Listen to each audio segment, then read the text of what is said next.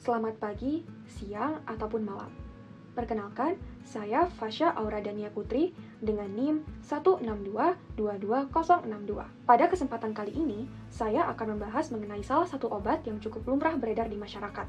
Namun, penjelasan mendalam terkait obat tersebut masih sangat jarang dibicarakan. Obat penurun berat badan. Terdengar familiar bukan? Jenis obat ini mungkin sangat banyak kita lihat iklannya di sosial media. Bahkan, saking seringnya mungkin kita cenderung acuh dan menganggap iklan-iklan tersebut sebagai spam. Namun, jangan sampai salah menilai obat ini. Sebagai masyarakat, kita harus tetap memperkaya pengetahuan kita terkait segala hal, termasuk obat-obatan yang dapat mempengaruhi kondisi kesehatan kita. Lantas, apa itu obat penurun berat badan? Obat penurun berat badan atau obat pelangsing merupakan salah satu alternatif yang digunakan masyarakat untuk mencapai berat badan yang diinginkan. Terdapat banyak jenis obat penurun berat badan beserta efek samping yang beragam pula.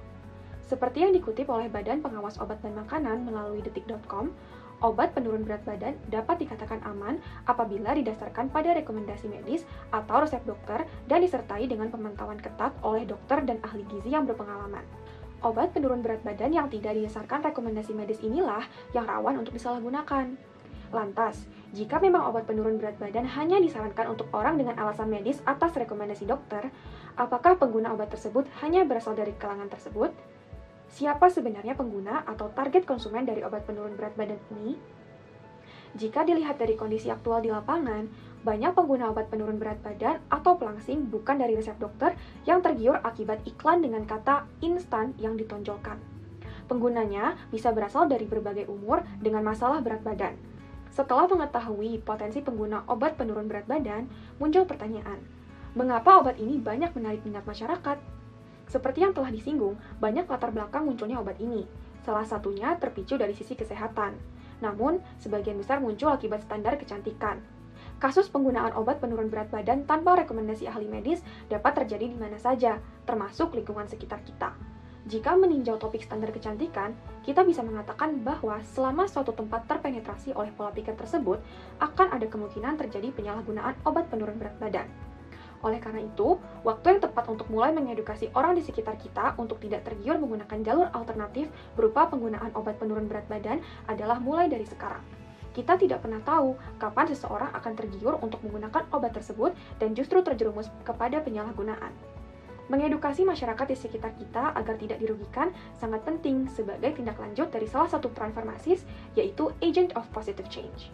Lalu, solusi yang dapat dilakukan oleh masyarakat adalah dengan lebih teliti dalam melihat suatu produk, terutama obat-obatan, karena hal tersebut menyangkut kesehatan tubuh. Ketika terdapat masalah terkait berat badan, lebih baik konsultasikan terlebih dahulu ke dokter atau fasilitas kesehatan terdekat. Selain itu, apabila ditawarkan obat-obatan yang tidak jelas kredibilitasnya, dapat menggunakan metode klik, yaitu kemasan, label, izin edar, dan kedaluarsa. Pastikan juga obat tersebut terdaftar melalui laman resmi BPOM. Lalu, bagaimana dengan solusi yang dapat dilakukan sebagai mahasiswa farmasi? Sebagai mahasiswa farmasi, kita dapat terlebih dahulu mempelajari secara menyeluruh terkait obat penurun berat badan ini, sehingga kita juga memiliki dasar yang jelas saat mengedukasi orang lain. Apabila kita memiliki pengetahuan yang sudah memumpuni, coba untuk mengedukasi sekitar, baik secara langsung maupun tidak langsung. Secara langsung, kita dapat menginfokan isu ini kepada orang-orang terdekat kita, seperti teman dan keluarga. Edukasi dapat menggunakan bahasa yang singkat dan mudah untuk dimengerti.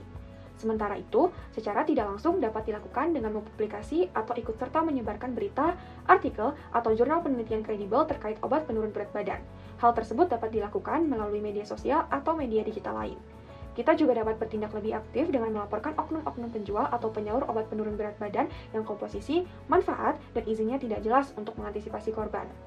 Setelah mengetahui lebih lanjut mengenai obat penurun berat badan, dapat disimpulkan bahwa obat ini muncul akibat kepentingan kesehatan seperti obesitas. Namun pada kenyataannya banyak digunakan semata-mata untuk mengubah tampilan fisik akibat standar kecantikan.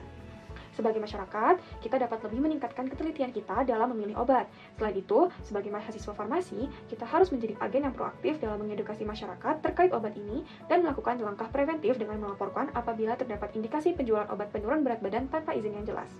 Semoga topik yang saya bawakan pada kesempatan kali ini dapat bermanfaat untuk keberlangsungan dan kemajuan kesehatan di Indonesia. Saya memohon maaf apabila terdapat kesalahan ataupun kekurangan terkait materi yang telah saya sampaikan, dan terima kasih atas perhatiannya.